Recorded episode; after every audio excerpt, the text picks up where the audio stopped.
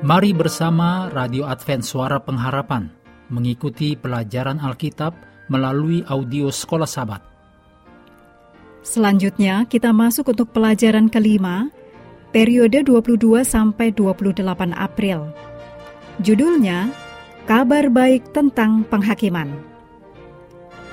Mari kita mulai dengan doa singkat yang didasarkan dari Wahyu 16 ayat 7. Ya Tuhan Allah yang Maha Kuasa, benar dan adil segala penghakimanmu. Amin.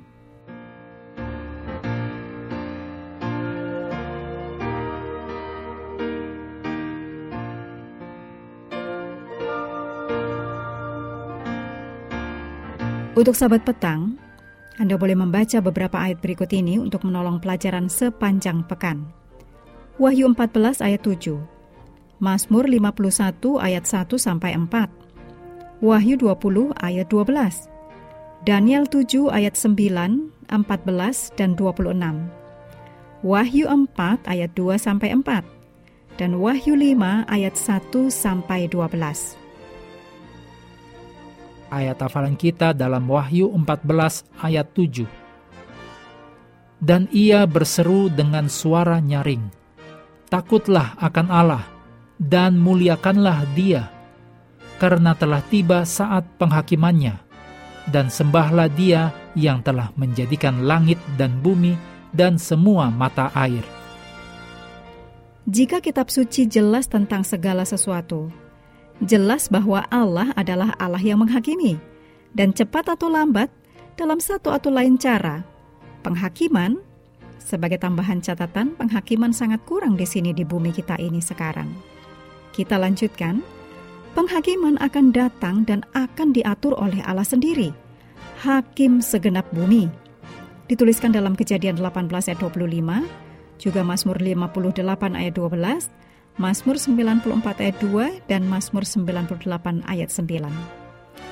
Atau seperti yang ditulis sendiri oleh Paulus dalam Roma 14 ayat 12. Demikianlah setiap orang di antara kita akan memberi pertanggungan jawab tentang dirinya sendiri kepada Allah. Menakutkan, bukan? Harus melaporkan tentang diri kita di hadapan Allah. Allah yang mengetahui sampai hal-hal yang terdalam. Allah yang akan membawa setiap perbuatan ke pengadilan yang berlaku atas segala sesuatu yang tersembunyi, entah itu baik, entah itu jahat seperti yang ditulis dalam Pengkhotbah 12 ayat 14.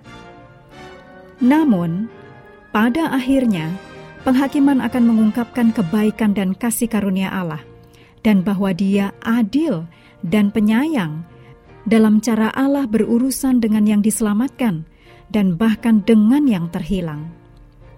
Pekan ini kita akan mengeksplorasi tema-tema yang lebih dalam dari penghakiman dalam kaitannya dengan pertentangan besar yang berkecamuk di alam semesta.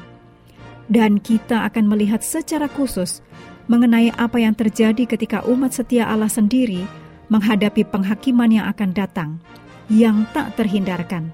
Demikian ditulis dalam kisah 24 ayat 25. Kami terus mendorong Anda untuk mengambil waktu bersekutu dengan Tuhan setiap hari bersama dengan seluruh anggota keluarga baik melalui renungan harian, pelajaran sekolah sahabat, juga bacaan Alkitab sedunia, percayalah kepada nabi-nabinya, yang untuk hari ini melanjutkan dari Ayub 28. Tuhan memberkati kita semua.